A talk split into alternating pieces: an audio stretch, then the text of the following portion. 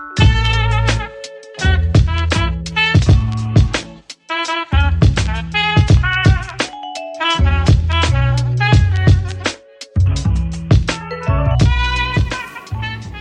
semuanya, selamat datang di Bittersweet Talk Podcast bersama aku Nina di sini. Kali ini aku mau ngobrolin tentang rasa insekuritas atau tidak percaya diri yang pastinya aku yakin hampir 100% dari kita, aku dan kamu pernah mengalami fase-fase ini. Ya, entah itu soal bentuk tubuh, bentuk wajah, kapasitas kepintaran, materi yang kita punya, terus juga rasa insecure sama kemewahan dan kebahagiaan yang dibagiin di media sosial. Dan sekarang aku rasa yang lagi trending itu insecure sama manfaat diri untuk orang-orang. Apalagi di umur orang-orang jalan 20-an ke atas. Ya contohnya di umur segini belum ada pencapaian apa-apa, di umur segini belum lulus, belum kerja, dan hal-hal yang dasar yang selalu menjadi tuntutan sosial gitu.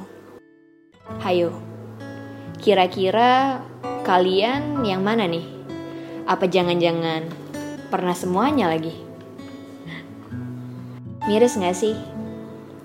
Seakan-akan kita hidup dihantui dengan standar orang-orang yang hidup dengan standar orang lain juga gitu.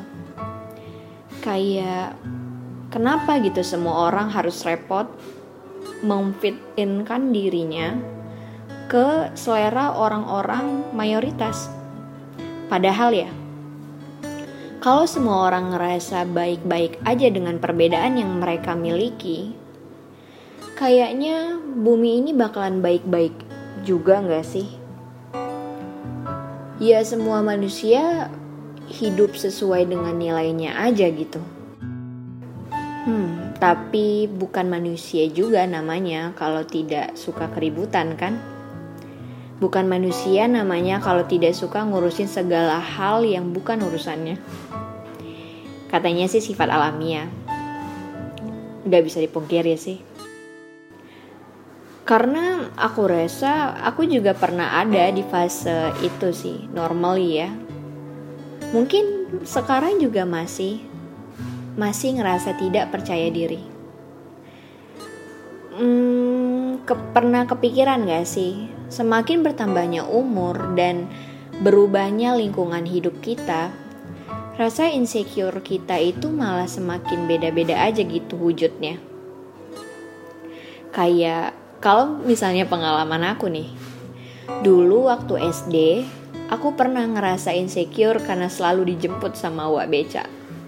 Sedangkan kalau aku ngeliat sama teman-temanku yang lain, mereka itu dijemput sama orang tuanya gitu, dengan kendaraan pribadinya tentunya.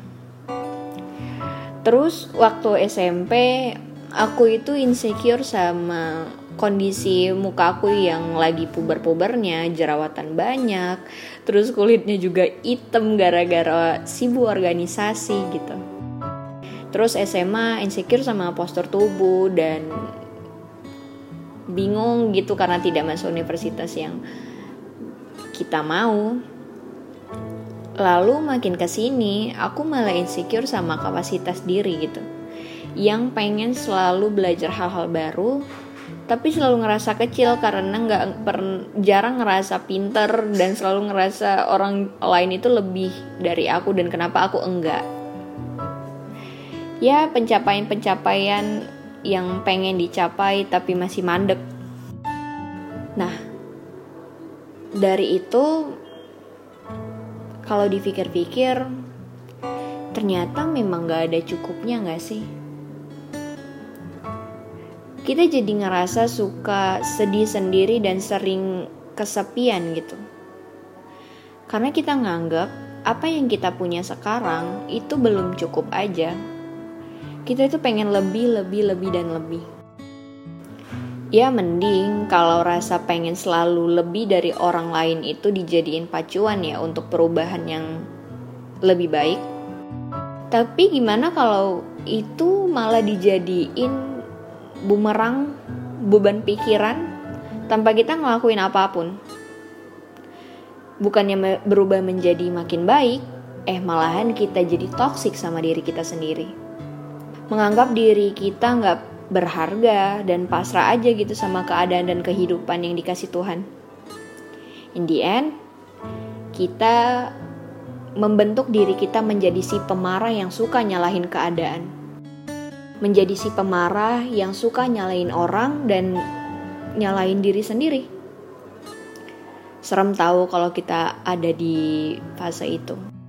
Seakan-akan kita memelihara monster kecil di dalam tubuh kita dan mereka itu pelan-pelan melahap diri kita gitu dan kita berangsur-angsur berubah menjadi monster itu dan kita lost sama diri kita. Kita nggak kenal diri kita siapa. Hmm. Aku tahu sih memang gak mudah untuk menerima diri. Dan aku juga tahu memang gak mudah untuk mengerti apa yang kita mau dan apa yang kita butuhin. Tapi aku di sini cuman pengen bilang ke kamu, merasa tidak percaya diri itu nggak apa-apa kok. Menerima diri kita itu apa adanya bisa pelan-pelan aja. Semua butuh proses juga kan, and it's okay. Kita berbeda and it's okay. Karena kita berharga di mata orang-orang yang sayang sama kita. Kita cantik di mata mereka yang suka sama kita. Kita udah banyak ngelakuin hal baik yang kita gak pernah imagine itu. Dan jangan pernah capek untuk selalu menjadi orang baik juga. Seseorang yang ku kenal pernah bilang gini ke aku.